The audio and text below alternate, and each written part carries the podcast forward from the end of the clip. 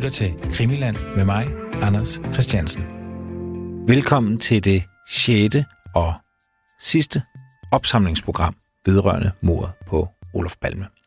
Jeg har her hen over sommeren prøvet at samle lidt op på alle de her tråde og spor og kaninhuller, som vi har været igennem i de tidligere, ja over 60 udsendelser om mordet på Olof Palme, som vi har sendt fra november 2019 og til og med december 2020. Efter et uh, intermezzo, hvor vi har beskæftiget os med MS Estonia her i programmet, så vender vi fra næste uge tilbage til mordet på Olof Palme, den svenske statsminister, der blev skudt i 1986. Et mord, som endnu ikke er blevet opklaret. Hvis man gerne vil stå på palmemordet, så at sige, nu, så kunne man med fordel hoppe tilbage, finde Krimland podcasten, og så lytte til de foregående fem programmer, hvor vi har talt om manden og mordet. Vi har talt om Skandiamanden, som nogen mener har myrdet Olof Palme, men endnu flere mener ikke har.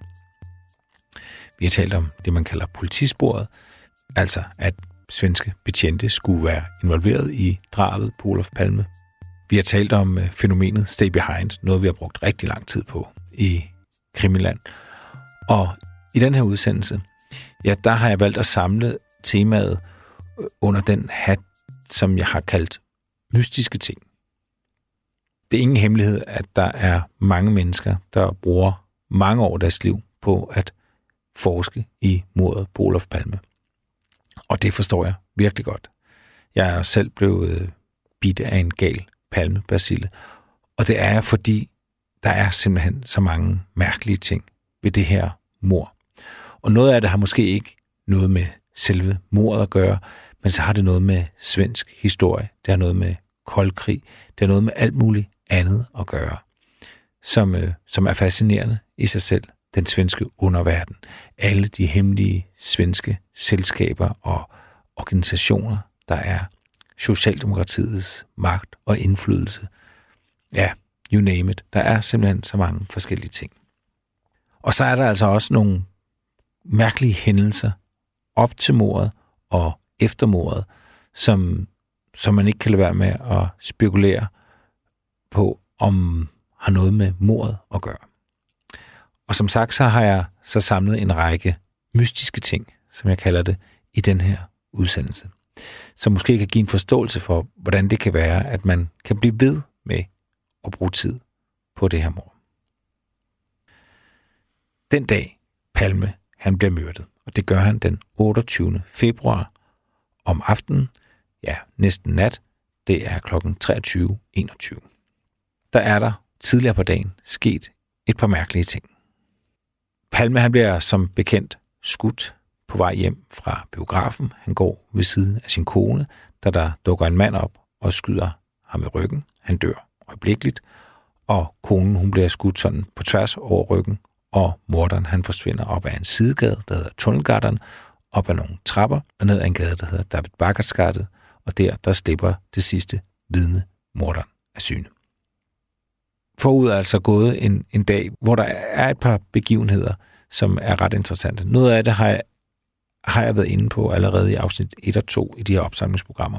Men noget, jeg ikke har talt om, det er Harvard-affæren. Olof Palme, han repræsenterer et parti, Socialdemokratiet, der synes, det er en god idé, at man betaler skat, og i Sverige og resten af Skandinavien rigtig meget i skat. Derfor så er det rigtig pinligt, at Olof Palme på det her tidspunkt har en baserende skattesag. Det er den svenske journalist og forfatter Jan Guillou. Nogle kender hans bøger om Carl Hamilton. Det er ham, der har gravet den her sag frem. Olof Palme han bliver på et tidspunkt inviteret af Harvard University til at holde nogle forelæsninger. Og han får så lavet en aftale om, at han ikke skal have et honorar, men derimod så skal hans søn Joachim Palme have et stipendium, så han kan studere på Harvard. Men det, der er i det, det er, at ifølge svensk lovgivning, så skal Palme faktisk betale skat af det her stipendium, og det har han ikke gjort. Og derfor så øh, ligger der den her lidt pinlige, baserende skattesag, som endnu ikke er afklaret. Det her det er i 85, den bliver gravet frem. Den er ikke afklaret, den her skattesag, ved tiden for Olof Palmes død. Og som sagt, så er det lidt ekstra pinligt, når man, når man samtidig repræsenterer et parti, der skal overbevise svenskerne om, at det er en god idé at betale en del penge i skat. Nogle vil sige rigtig mange penge i skat. Det, der så sker, det er den 12. marts, altså 12. marts, altså et stykke tid efter mordet, finder ud af, at al information om den her skattesag i landsrettens database er forsvundet. Og man ved faktisk lige præcis, hvornår det er forsvundet. Det er forsvundet klokken lidt over 6 om aftenen den 28. februar, altså den dag, Olof Palme blev myrdet. Altså, den her pinlige skattesag, som Olof Palme har hængende over hovedet, den forsvinder altså få timer før, end han bliver myrdet. Og det er selvfølgelig, ja, man vil jo nok kalde det påfaldende, eller underligt. Og skulle der være en sammenhæng mellem de to ting, at en skattesag forsvinder fra landsrettens database, og så bliver Olof Palme myrdet. Men hvad skulle linket være? Altså, hvad skulle fordelen være? Og skulle nogen myrde ham på grund af, at skattepapirerne er forsvundet? Eller skulle skattepapirerne bruges til et eller andet? Altså, det er svært at finde ud af, hvad linket er mellem de to ting, eller hvad det kunne være. Måske er der ikke noget, men hvis der er, hvad er det så, linket er? Det bliver i hvert fald øh, undersøgt, men øh, ikke særlig godt. Grænsningskommissionen, som vi har været inde på nogle gange, det er en kommission, der bliver nedsat i 90'erne for at kuglegrave ja, al efterforskning omkring mordet på Olof Palme. Og de øh, konkluderer faktisk, at hele undersøgelsen af det her skattepapirs halløj, Harvard-affæren, forsvind, simpelthen ikke bliver gennemført grundigt nok og tidligt nok. Der er stor kritik af politiets arbejde for ikke at finde ud af, hvad var det egentlig, der skete med den her skattesag, og hvordan kunne den forsvinde. Men det er klart, det er sådan en ting, der gør, at, øh, at mange tænker, at der må være en sammenhæng. Og det er også det, der er faren ved at sidde og være amatør efterforsker på sådan en mor, der er, man jo tillægger alt en betydning. Men øh, er i hvert fald to usædvanlige ting. Altså, at en skattesag forsvinder fra en database, pist væk, og at en svensk statsminister bliver myrdet. Så det er ikke underligt, at man prøver at trække en linje mellem de to ting. Men det er bare en af flere underlige ting, der sker på selve mordagen.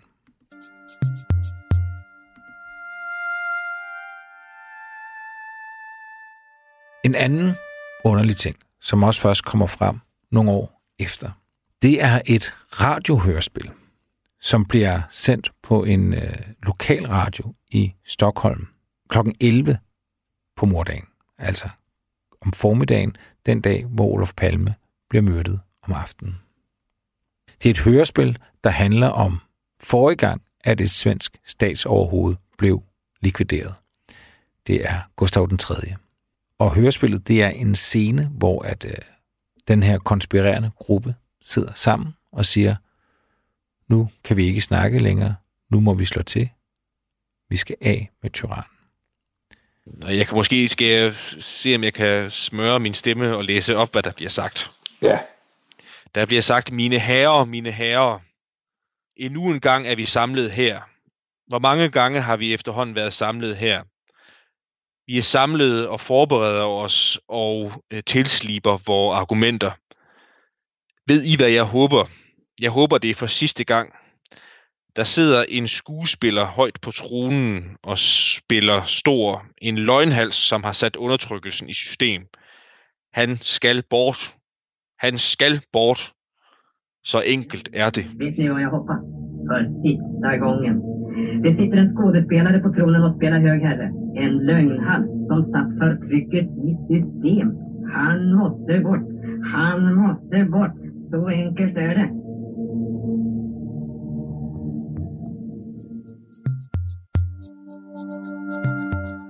Det radiohørspil bliver udsendt på den her lokalradio kl. 11 om formiddagen, som sagt. Og det er en kulturforening, der hedder Svekia Aventus Gardi, og som er en højorienteret kulturforening. Man har prøvet at undersøge lidt, hvem er med i den her. På et tidspunkt var der tale om, at to af de her bogstavsbetjente, Ø og Å, de var medlemmer. De opererer i hvert fald på nogle medlemslister i den her kulturforening. Og igen er det også bare underligt, påfaldende, at man den her formiddag afspiller en scene for et hørespil, der handler om, at øh, nu må man ty til handling. Nu skal tyrannen væk. Det er endnu en, øh, en sag, man ikke er kommet helt til bunds i. Hvad gik det her ud på? Og, og det er noget, der stadig bliver, bliver gravet i. Og, der, øh, og det er noget af det, vi kommer ind på, når vi tager hul på nye palmeafsnit. Det er faktisk, hvem er de her medlemmer i den her kulturforening? Det er klart, at man kan tolke det på flere måder. Man kan tolke det som det er en ren tilfældighed. Man kan også tolke det, at det er et form for call to arms. Altså et øh, ja, ikke særlig skjult signal om, at øh, det er aften, vi gør det. Så dem, der har på en eller anden måde skulle spille en rolle, de ved, det er aften, vi kommer ud af hulerne. Mulighederne er mange. Det her det var altså to af de lidt underlige ting, der sker på selve mordagen. Vi har været inde på nogle af de andre, blandt andet at han mødes med Iraks ambassadør, ham der senere bliver kendt som komiske Ali, og det er muligvis ved det møde, at han finder ud af, at den svenske våbengigant Bofors er involveret i ulovlig våbenhandel med Iran, mens at Irak og Iran er i en voldsom krig sammen. En krig, hvor Olof Palme i øvrigt er fredsmægler. Der er også en beretning om, at, at Olof Palme skal fotograferes i forbindelse med et interview til en avis. Og han til fotografen siger, at han ikke vil stå med ryggen mod vinduet med den bemærkning, man ved aldrig, hvem der gemmer sig derude. Men som nævnt, så er det også en farlig leg, det her med at lægge alt muligt i ting, der sker op til et mor. Hvis man leder med en stor nok lup, så kan man jo måske altid finde et eller andet, der virker en smule mærkeligt. Men det er altså nogle af de her ting, der, der sker den 28. februar. Olof Palme är död. Han mördades mitt i centrala Stockholm strax efter klockan 11 igår kväll.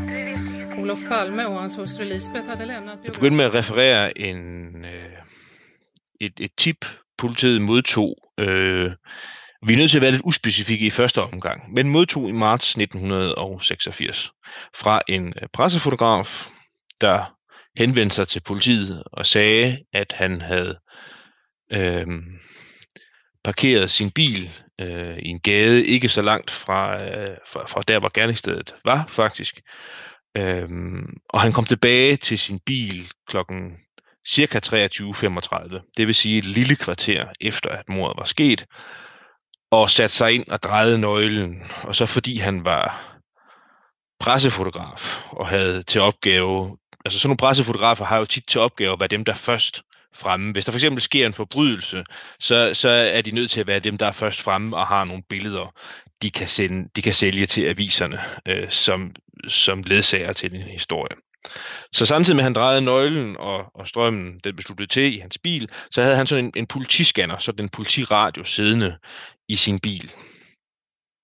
Og da den besluttede til der, så hører han øh, den radiotrafik, der er på øh, blandt andet politiets frekvenser. Øh, altså, på det tidspunkt er det vigtigt at understrege, at der har vi jo ikke mobiltelefonen, ligesom vi har i dag. Øhm, hvis man skulle have bærbar, trådløs kommunikation, så brugte man primært walkie-talkies. Øhm, og der, der overhører han, da han sidder der i bilen, walkie-talkie-trafik. Og han overhører helt specifikt tre replikker. Han overhører en stemme, der siger, øhm, Hallo, I deroppe, hvordan står det til? Og så er der en stemme to, der svarer, ja, det er meget koldt her til aften. Og så er der sådan en, hvad skal vi kalde det, overgribende trafik efterfølgende, der sådan koldt og nøgternt meddeler, statsministeren er myrdet. Og så ikke mere. Og det var replikker. Det var ikke sådan normalt. Hvis på det tidspunkt, for eksempel når politiet bruger walkie, så har man jo kalde- og modtage signaler. Altså det vil sige, du kalder en specifik, og så svarer vedkommende og, og afslutter med at sige slut, og så altså sådan noget replikveksling. Og det var der ikke noget af i den her forbindelse her. Det var de her tre løsrevne replikker. Og, og, og det skulle være, altså, altså hvem, hvem, hvem skulle tale her, siger du? Altså politifolk, der gik rundt i, i Stockholms gader? Ja, det ved man jo ikke. Man ved jo ikke specifikt, hvem det er, der siger noget. Det eneste, man ved, det er, at han, han havde sådan en, en, en radio i sin bil, øh, der var kodet til at modtage trafik øh, på de kanaler. Altså walkie-talkie-trafik var inddelt i nogle specielle, specielle kanaler. Altså det er jo kommunikation, der løber i frekvensbånd, og det her frekvensbånd er inddelt i forskellige kanaler. Og, og der anvendte politiet nogle bestemte kanaler, som, som de her politiscanner og politiradio så aflyttede de her kommunikationskanaler, som politiet brugte. Mm. Og det var så igennem de her kanaler, han hørte den her radiotrafik. Og, og han hørte efter, altså et pænt tidspunkt, altså pænt tid efter mordet? Ja, det er cirka et kvarter efter mordet. Så... Og hvis vi skal vi lige repetere igen, hvad der bliver sagt. stemme, 1, stemme 1 siger, øh, hallo I deroppe, hvordan står det til? Stemme 2 siger, ja, det er en, en meget kold aften. Og så sådan en stemme 3, overgribende trafik, kan man kalde det, der siger, sådan helt kort og nøgternt, statsministeren er myrdet. Og så ikke mere. Men Jamen, hvad, hvad, hvad kan vi udlede af det, Anders? Hvis vi skal... Naturligvis så er udgangspunktet selvfølgelig, om vi skal tro på den pågældende person, hvad han siger eller ej. Mm. Det er sådan en sædvanlig vidneværdsættelse, hvor vi skal overveje, om det er en troværdig person, om han har nogen grund til at lyve om det, han siger eller ej. Men det, vi selvfølgelig umiddelbart skal udlede af det, det er, at der i walkie-talkie-trafik på de af politiet anvendte kanaler, cirka kvarter efter mordet, er nogen, der taler sammen, og nogen, der meddeler, at statsministeren er blevet myrdet. Og det er selvfølgelig på, på et tidspunkt, hvor alarmeringen er gået ud. Det vil sige, det er øh, offentligt kendt. Eller ikke offentligt kendt, men det er i hvert fald kendt i, i politiet, og der er i forvejen radiotrafik om, at statsministeren er blevet myrdet. Men på den anden side, så den form for trafik, som den her øh, mand aflytter, er, er ikke sådan sædvanlig kommunikation fra en, en politibil til for eksempel politihovedkvarteret. Fordi så vil der være de her meldesignaler, altså vi kender det lidt fra Olsenbanden og andre steder, ikke? Hvor, hvor en 306 kalder, og så svarer hovedkvarteret, hovedkvarteret her, og så siger man slut, og altså noget. Det her, det, det er folk, der taler sammen, lader mm. det til mm. og ikke meldinger, der løber frem og tilbage. Mm. Og så den tredje stemme, den der kommer og siger, at statsministeren er, er blevet myrdet. Øhm, hvem er så det? Ja, det er et godt spørgsmål. Vi kan jo gætte, det er det, der nu refererer, hvad andre har gættet på, det er ikke nødvendigvis mig selv, der gætter, men at det er, altså det er, er folk, der er, er posteret bestemte steder til måske at holde vagt, eller træde i tjeneste, eller et eller andet andet, og så at, at den sidste melding er en, sådan en melding, der, om man så må sige, afblæser en operation. Det vil sige, at det er folk, der har været ude i tjeneste, haft et formål, og når formålet så er opfyldt, så kan alle mand godt tage deres gode tøj og gå hjem igen. Det er det, man har gættet på. Mm. Mm. Ja, og så er det, og det er jo selvfølgelig interessant i forhold til, altså det mest interessante ord er jo næsten oppe. Ja, nemlig. Altså nogen, der står et sted højt oppe og overvåger nogle bevægelser. Ja. En personer eller biler, begivenhedsforløb. Ja. Hvordan har, øh, hvordan har efterforskningen forholdt sig til, til det, du fortæller her? Ja, det, det er øh, en lidt speciel historie, fordi de kilder, vi har til det, øh, skal det måske lige siges først, det er den kommission, vi har flere gange har talt om, deres betænkning, og så nogle af de øh, tv-programmer, Lars Bornes har lavet om det. Og det, der sker, det er, at de her oplysninger kommer til Lars Bornes kendskab på et tidspunkt først i 90'erne, øh, og han vælger så at tage dem med i et tv-program, hvor de så igen kommer til offentlighedens kendskab. Og det vækker selvfølgelig en hel del opmærksomhed. Det var ikke offentligt kendt før, hvad er det, 94 eller 95, var det ikke offentligt kendt, at det her det var sket. Øhm, og så sker der selvfølgelig det, at man spørger efterforskningsledelsen af, hvordan, hvordan er det her, de her oplysninger, hvordan er de blevet modtaget? Og så øh, sker der det, at den daværende efterforskningsleder Hans Ølvebro sagde, jamen vi, vi var godt bekendt med oplysningerne, men, men den her person, den her fotograf, øh, var vanskelig at komme i, i øh, kontakt med, øh, og da vi langt om længe fik stablet et forhør på benene, så ville han ikke vise sit, øh, sit, sit, sit udstyr frem, og var sådan generelt ikke til at have mere at gøre. Øh, hvorimod at, at, at, at at den person, fotografen så selv sagde, men, men, men det, var, det, var ikke, det var ikke tilfældet. Øh, han, han, han havde stillet op og, og lavet sig afhøre og afgivet de oplysninger, han havde, og tilbudt den øh, politibetjent, der af, afhørte ham, at øh, sagt, at min, min bil den holder parkeret lige uden for politigården. Vil du ikke med ud og se min, min radio, så, så du kan få sådan et indtryk af, øh, hvad det er for, for noget udstyr, jeg har. Og så havde den pågældende politibetjent sagt, nej, det, det var alligevel ikke interesse, han kunne godt, han kunne godt gå hjem igen. Øhm,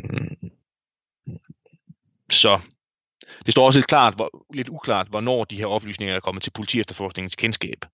Altså fotografen har selv altid hævdet, hævdet, at han ringede dagen eller to dage efter, at mordet var sket.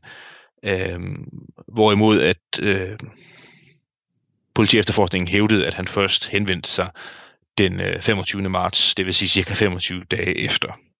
Mm.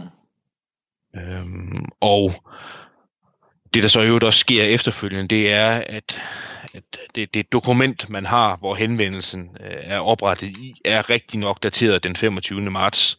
Men, men, men derfor, altså, kan han godt have henvendt sig en dag eller to efter, fordi det var helt normalt på det tidspunkt, at politiet modtog overvældende, overvældende mange henvendelser. Så det kan godt have været sådan, at de, der sad og, og besvarede telefonerne og modtog henvendelserne, kan godt have noteret det ned, og så givet oplysningerne videre til en politi efterforsker, som så først har haft tid til at tage sagen op den 25. marts 1986. Og så i øvrigt, hvis vi skal blive i det der med, at ting har taget tid for politi efterforskningen, så er den pågældende fotograf først blevet afhørt og holdt nu fast i maj 1987 det vil sige et år og to måneder, tre måneder efter, at han har givet de her oplysninger til politiet, er, har man først fundet sig til at afhøre ham. Det er, synes jeg, svært at forstå. Ja, fordi igen, man, man, man må forestille sig, at, at det er rimelig meget første prioritet. Altså, de har vel ikke meget andet at lave, end at, at beskæftige sig med det her mor. Altså, det er jo ikke sådan, at de siger, at vi, vi, vi har lige en anden sag. Altså, det, altså palmemordet må jo have fyldt alt hos de her øh, mennesker, der har efterforsket palmesagen. Jo. Ja, lige præcis. Og det der er øh, med den oplysning, der kommer fra, fra den her fotograf, det er også, at, at det står i hvert fald helt sikkert, hvor han har befundet sig henne og på hvilket tidspunkt. Så det har man vidst. Altså, man har vidst, at han var så tæt ved gerningsstedet, og han, han, han befandt sig der cirka et kvarter efter, at mordet var sket. Det har der aldrig været tvivl om. Så derfor er det underligt, at man ikke har øh, ville prioritere de her oplysninger fra fotografen. Det, det skal jo siges afslutningsvis om de her oplysninger, at, at da de så blev, blev efterforsket grundigt nok, øh, eller så grundigt som muligt her mange år efter i der i 495, så, øh, så overlod han sin, sin, den der politirette politiscanner til politiets tekniske afdeling, som, som kontrollerede den og fandt ud af, at det stemte. Altså de oplysninger, han havde givet om, hvilke, hvilke frekvenser den var indrettet til øh, at aflytte, øh, det var politiets frekvenser. Mm. Og, og for lige at skære ud i, i pap for mig, hvor, hvorfor er de her replikudvekslinger, hvor, hvorfor er de så interessante? Det er selvfølgelig, selvfølgelig interessant, fordi det tyder på, at der har været flere personer udstationeret omkring gerningsstedet på moraften, og at de har anvendt walkie-talkie til at kommunikere med hinanden, og at det passer jo også i tid med, at der netop har gået sådan en melding ud. De har formentlig, de her forskellige, der har været udstationeret, har stået og, og talt sammen via walkie om, hvad der nu skete, og så på et tidspunkt, så går der sådan en, en generel melding ud til dem alle sammen om, at statsministeren er blevet myrdet. Mm. Og så afblæser vi den operation, vi har i gang. Det er jo sådan, man, man skal tolke de oplysninger, der er lagt frem. Det er den, sådan kan man tolke dem i hvert fald. Mm. Og de kunne ikke være i færd med noget andet. Altså, der var jo snak om, at der var, der var en anden øh, øh overvågning i gang af noget, øh, noget, noget, noget narkotikahandel, øh, eller hvad det kunne være. Det var, det var sådan nogle betjente, der var på gaden, for eksempel.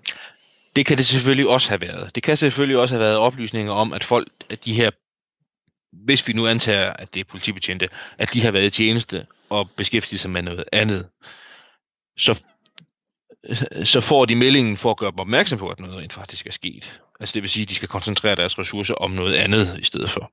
Ja. Det er også en mulighed. Ja. Men, der men vil... det, der, det, det, der selvfølgelig gør, at, at jeg ved ikke med dig, men jeg bliver mistroisk, og folk er blevet mistroiske på baggrund af de her oplysninger her, det er, at det er der aldrig nogensinde nogen. Det har været relativt enkelt at gøre det klart for offentligheden, at det var det, det galt, de oplysninger, ja. fotografen han fik. Ja. Ja, der var en operation i gang. Ja, vi havde nogen posteret.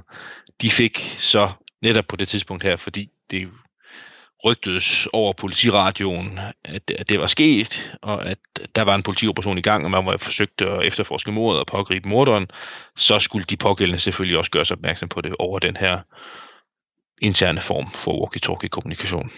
Men, men hvornår, altså du sagde, var det et kvarter efter mordet? Ja, cirka et kvarter. 23.35 har han sagt, øh, fotografen. Og mordet skete jo 23.21 og lidt til, så det er 14 minutter. Og der vil man jo også sige, at der på det tidspunkt, der burde alle betjente i området jo vide, at det kan godt være, at I laver noget andet nu, men I skal lige fange en, en statsministermorder. Ja, altså det burde det, de have fået at vide hurtigere. Det burde de have fået at vide hurtigere, ja. Og det, der selvfølgelig gør, øh, at det her det er interessant, det var for at vende tilbage til det, der var vores udgangspunkt, det er, men det her det er jo et eksempel på, at både politi-efterforskningen da, men, men vi også nu, som dem, der interesserer os for mordet på Olof Palme, øh, skal overveje, øh, jamen, men her har vi nogle oplysninger, der kommer øh, et bestemt sted, det er en bestemt person, der hævder, at noget er sket på et bestemt tidspunkt, og vi kan ikke med sikkerhed sige, at det har noget med mordet på Olof Palme at gøre. Ikke ud over den afsluttende radiomelding, der er, som jo helt tydeligt gør, at det har en forbindelse til mordet på Olof Palme, men hvilken forbindelse det så er, det kan vi ikke afgøre. Men det er noget, der sker den 28. februar 1986, på et tidspunkt, der ligger tæt på mordet. Der sker også noget andet den 28. februar, men som man ikke vidste længe, og som de fleste ikke rigtig ved, hvad de skal stille op med. Det drejer sig om øh, nogle vidneudsagn for to finske kvinder, som øh, først står frem i løbet af 90'erne. Og det er nogle ret bemærkelsesværdige vidneudsagn, som ja, der har været tvivl om, hvor troværdige er de her to kvinder. Det er via en, øh, en journalist, at de her kvinder de står frem. De har øh, efter eget udsagn været meget, meget bange siden mordet, og de har slet ikke haft lyst til at tale med nogen. Men den ene kvinde lader sig overtale til at stå frem, og vi kan nu læse de afhøringer, som politiet har begået med dem begge to. Og som sagt, så den ene stod frem, og den anden jeg blev mere eller mindre presset til at lade sig interviewe af politiet. Det, de fortæller, det er overordnet set, at de kort før mordet passerer det senere gerningssted, og at de ved gerningsstedet ser en mand stå. Den ene af kvinderne genkender manden fra et træningscenter, og hun går hen til ham og spørger, hvad klokken er. De er lidt i tvivl om, hvorvidt de kan nå at få et, øh, et glas vin, inden de skal med et tog hjem. Og instinktivt så spørger hun ham på finsk. Hun, øh, kvinderne er som nævnt finske, og hun spørger ham instinktivt på finsk, fordi at, øh, ja, hun mener at kan huske, at han har talt finsk i det her træningscenter, hvor hun er kommet. Da hun henvender sig til ham, kan hun se, at øh, manden har en walkie-talkie inde under jakken, og hun kører en stemme i walkie-talkien på finsk, der siger, vær klar, nu kommer de. Og manden siger, jeg er genkendt, hvad fanden skal jeg gøre? Og så svarer stemmen i walkie-talkien, det er lige meget, bare gør det, du skal gøre. Og så bliver kvinderne meget bange, og de skynder sig væk.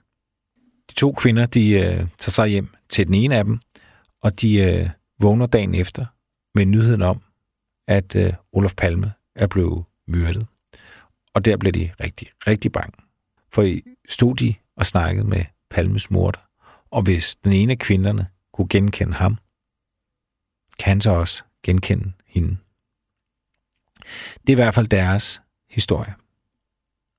Der er så siden blevet forsøgt at så tvivl om troværdigheden af de to kvinder.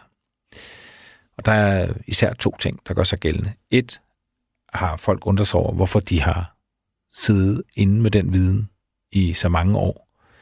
Det er 7-8 år, de øh, holder det hemmeligt. Og to, så er kvinderne ikke enige om, hvilken film, de har nemlig også været i biografen, hvilken film det er, de har været inde og se. Og igen her, der er det jo op til, til den enkelte at, at bedømme, om, om det gør, at de er utroværdige. De forklarer selv den lange ventetid med, at de simpelthen har været hundeangst for, at, at morderen vidste, hvem de var. I hvert fald, hvem den ene af dem var. Og det er også hende, der ikke har lyst til at tale med politiet. Det er den anden veninde, som til sidst har stået frem og sagt, I skal høre på, hvad vi har at fortælle. Og så revet veninden, så at sige, med sig. Og så er der det der med, med filmen. Jeg ved ikke. Personligt vil jeg nok godt kunne huske, hvilken film jeg har været inde og se i biografen. Det er noget, jeg går op i, og, og jeg går op i at huske titler, instruktører og skuespillere osv. Men jeg kender også folk tæt på mig, øh, som uden at jeg skal genere nogen, nærmest har glemt, hvad det er, de har set, så snart de går ud af biografen. Øh, hvor filmen bare går ind af det ene øre ud af det andet øre, hvis man kan, kan sige det. Så jeg ved ikke, hvor meget man kan ligge i det, at man ikke kan huske, hvilken film man har set. Nogen kan, og nogen kan, kan ikke. Hvis det er rigtigt, det kvinderne siger, så er der selvfølgelig nogle, nogle spor her, som, som politiet burde gå videre med. Altså, der er en walkie-talkie-kontakt imellem en mand på gerningsstedet få minutter før, at Palme bliver myrdet, og at den her kommunikation, den foregår på finsk. Og hele den her historie, den har jo så skabt det begreb, der hedder Dekorima-manden. Øh, Dekorima er som bekendt den butik, der er på det hjørne, hvor Palme bliver skudt.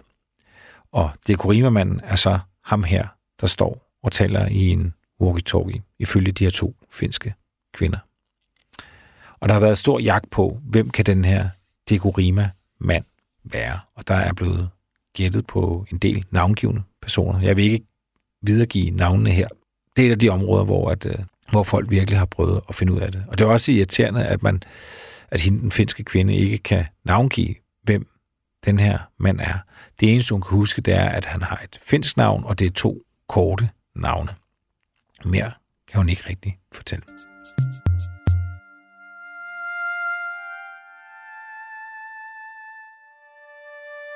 Vi har flere gange nævnt det vidne Lars J., som befinder sig inde øh, på Tunnelgatan, den smalle gade, smøge, hvor morderen flygter op af og flygter videre op ad trapperne. Og vi ved også, at Lars J. Øh, optager forfølgelsen af gerningsmanden. Det vil sige, at han løber selv op ad trapperne, hvor han op ved trappernes top lige mødes kort med, med, med, med de to andre vigtige vidner, Yvonne N. og Ahmed Z., hvor de står og konfererer ganske kort om, hvad de skal gøre. Og så gør Lars J. jo det, at han går ned af David Bakker Gata, den her lidt mørke beboelsesgade, hvor, hvor morderen er set sidste gang.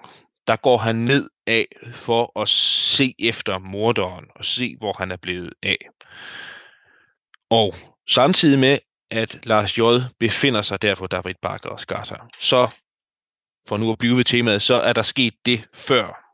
Et helt, ikke et helt andet sted, men et andet sted i Stockholm. Der er der sket det, at øh, en politikommissær og hans chauffør, der er ude at køre i deres øh, patruljevogn og befinder sig ikke ret langt fra det område der, altså David Barkers Gata, og op til David Barkers Gata går der en gade, der hedder Regeringsgatan. Og de befinder sig ikke ret langt fra de her beboelsesgader her. Og da alarmen er gået, den er blevet modtaget i politihovedkvarteret af den øh, politibetjent Ulf H., som vi har talt om før. Og det han jo gør, det er, at han sender en melding ud til alle de øh, patruljer og patruljevogne, der befinder sig i et bestemt distrikt af Stockholm, om at mordet er sket. Og den her melding modtager øh, øh, den her kommissær og hans chauffør i deres patruljevogn naturligvis. Så de kører en ret kort strækning op af den gade, der hedder Regeringsgatan, og kommer så op, altså faktisk i krydset og kører op af, af David Barkers gata, hvor morderen er flygtet nedad, og hvor Lars J. befinder sig efter mordet. Altså på udkig, så at sige, efter morderen, og efter hvad der er sket. Og den her lad os kalde den kommissærbilen, den her patruljevogn, de kører i. Da den kører op af David Barakers gata, den kører i øvrigt uden udrykning, for ikke at gøre øh, en flygtende morder opmærksom på, at politiet er tæt ved ham. Men da de kører op af David Barakers gata, så kører den her kommissærbil, så kører den lige forbi Lars J. uden at stanse. Det vil sige, de stanser ikke ved den første mand, de siger, så at sige, og ruller vinduet ned og spørger ham ad, om han har set noget. Eller de kunne jo også have gjort noget helt andet og mere drastisk. De kunne have stanset deres bil og fløjet ud af den og trykket Lars J. op imod en væg og kropsvisiteret ham i den tro, at der måske var tale om morderen eller en medhjælper. Men de gør ingen af delene. De farer hverken ud og konfronterer ham, de ruller heller ikke vinduet ned. De kører helt stille forbi Lars J. og fortsætter op på David Barkers gata, hvor der så i øvrigt sker det, at de betjente fra en øh, politibus, der er kommet, også har hørt alarmen, og er kommet ned til gerningsstedet og har trukket tjenestepistolerne og også optaget forfølgelsen, den kommissærbil kører sådan set op og møder de her folk her og konfererer sig med dem. Og først efter det er sket, så optager de kontakt til Lars J. Det er jo helt vildt. Ja. Det er helt vildt. Og jeg vil bare lige sige, nu har jeg fundet, øh, det er den anden afhøring af, af, af Lars J. her, og der bliver han spurgt, at de kigger på dig. Ja, de, de kigger på ham, så det er ikke fordi, de ikke har set ham. Det er fuldstændig Han siger, at øh, de kigger på ham, men triller bare videre. Og de- ved, at Palme er blevet skudt. Ja, de, de, de, de ved så faktisk, vi kan vi ikke være helt sikre på det, på det tidspunkt her, at de ved, at det er Olof Palme, der er blevet myrdet. Men de ved, der er sket et mor. De ved, der er sket et mord. Det er meget værdifuld sådan tillægsoplysning, det med, at de, de ser ham nærmest i øjnene, da de kører forbi, og vælger at køre videre. Og så sker der jo det efterfølgende, at de her politifolk mødes og konfererer og går så ned, og, t- og så taler de så rent faktisk med, med øh, Lars J.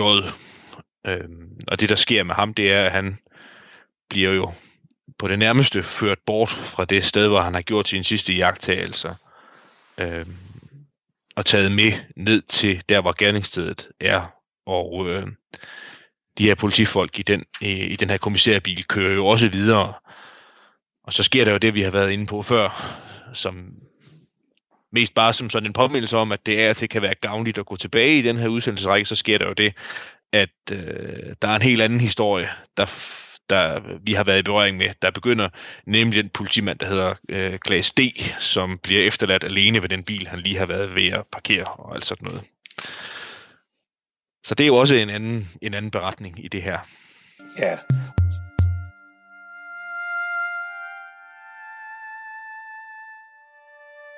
En af de historier, som også har gjort indtryk på mig i forbindelse med, med palmemordet, det er en historie om Håkan Ingervald. Og det er en historie fra 2012. Historien starter med, at Håkon Ingervalds datter en dag på det internetforum, der hedder Flashback, simpelthen efterlyser sin egen far. Hun skriver, hjælp, min, øh, min far er forsvundet fra sit hjem. Øh, vi ved ikke, hvor han er. Det, der er sket, det er, at øh, Håkon Ingervald, han har siddet og spist morgenmad, og så er han pludselig forsvundet. Da politiet ankommer til hans hjem, der er maden stadig på bordet, og der er blodspor på øh, dørtrinnet. Der er så en, øh, en menneskejagt i gang, en stor eftersøgning i gang, og mens den her eftersøgning står på, der øh, kan man i pressen læse, at den her forsvinden har muligvis noget med palmemord at gøre. Det er Håkon Ingervalds bror, der har fortalt politiet, at Håkon Ingervald på et tidspunkt har fortalt, at hvis han nogensinde skulle forsvinde, eller der skulle ske ham noget, så ja, så har det noget med mordet på Olof Palme at gøre. Og det er det altså i 2012, altså 26 år efter mordet på Olof Palme. Et stort døgn efter, at han er forsvundet, der dukker han op flere hundrede kilometer fra sit hjem. Han banker på et hus, og hende, der åbner op, beskriver ham som stærkt nedkølet. Han har stort set ikke noget tøj på, og hans hænder er bundet sammen med tape. Han siger, at han er blevet bortført, og han har brug for hjælp. Og det får han selvfølgelig. Men der sker så det, at øh, da politiet så vil afhøre ham, og tale om den her bortførsel, så ændrer han forklaring. Og så siger han, nej, det var noget, jeg gjorde selv, alt det her. Og det er klart, det virker en smule mystisk. Altså, skulle en mand pludselig tage hjemmefra, efterlade lidt blodspor på dørtrinnet, for at være væk i mere end et døgn og banke på et hus flere hundrede kilometer væk, kun iført undertøj, stærkt nedkølet og med sine hænder bundet sammen med tape. Og når man graver lidt i Håkon Ingervalds historie, så viser det sig, at han er tidligere faldskærmsjæger. Og det er de her øh, specielt trænede soldater, vi har talt en del om i programmet.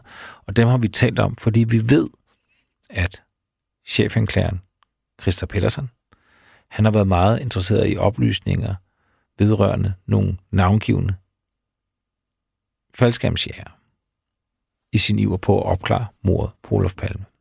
Og det er nogle oplysninger, han ikke har kunne få. Det snakker vi om i sidste afsnit. Det her med, at selv chefanklageren og chef efterforskeren, Hans Melander, der efterforsker mordet på den svenske statsminister, møder, ja så sent som i 2018, 17, 18, 19, 20, stadig lukkede døre, når de kontakter for eksempel SAPO eller MUST, som er Forsvars efterretningstjeneste, og andre steder. De kan simpelthen ikke få de oplysninger, de gerne vil have. Vi kan dog i dag læse de afhøringer, øh, han har givet øh, til politiet. Og der øh, taler han altså om palmemordet. Og han fortæller blandt andet, at han, øh, at han får et tilbud om, mod betaling, at være med til at myrde Olof Palme. Men som så mange af de her afhøringer, som, som nu er blevet offentlige, siden at øh, Palme efterforskningen officielt er nedlagt, så er de stærkt overstreget, så det er svært helt at finde hoved og hale i det, han siger, på grund af ja, alle de her sorte streger.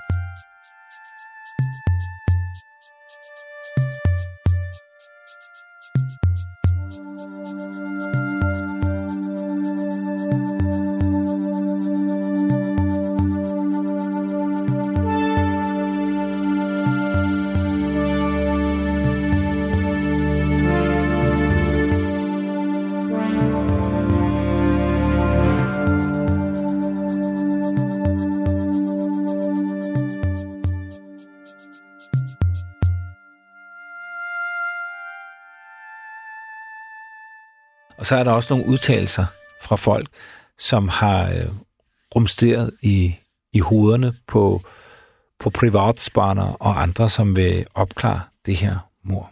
Blandt andet så er der en, en udtalelse fra den første efterforskningsleder, Hans Holmer, som øh, også er det, man kalder en god socialdemokrat. Han er en ven af partiet. Han går af som efterforsker efter et år. Han har brugt alle sine kræfter på, at det skulle være PKK, altså kurderne, der stod bag mordet. Det er der ingen i dag, der tror på. Og han har sagt noget, og det her det er blevet bekræftet. Øh, men han har aldrig uddybet det. Han har sagt, at det vil ryste Sverige i det grundvold, hvis de lærte sandheden om mordet på Olof Palme at kende.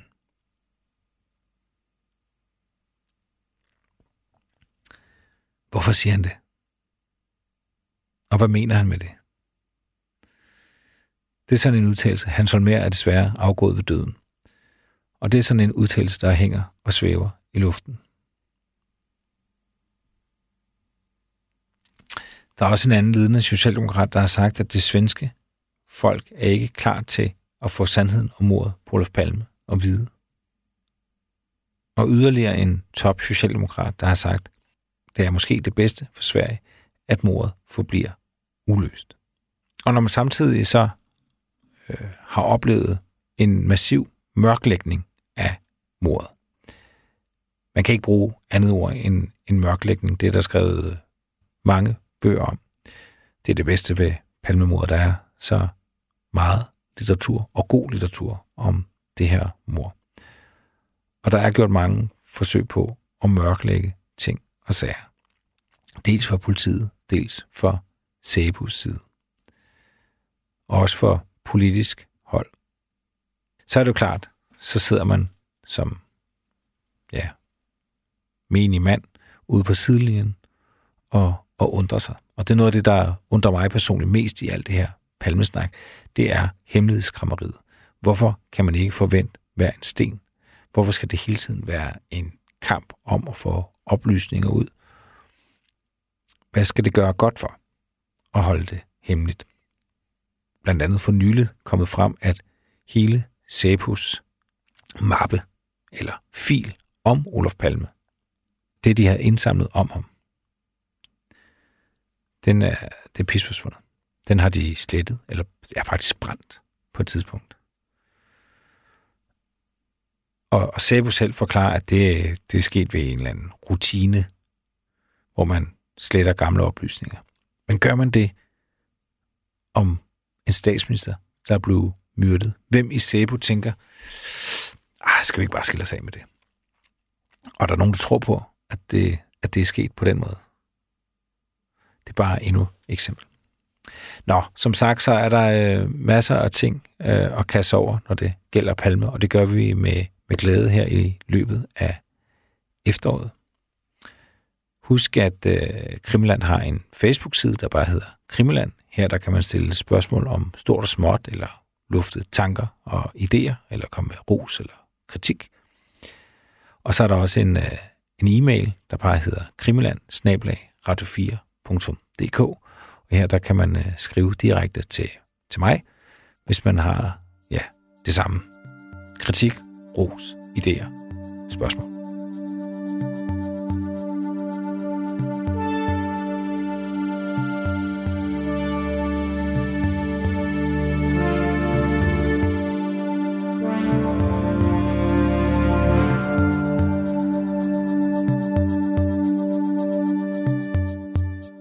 Programmet er produceret af Wingman Media for Radio 4.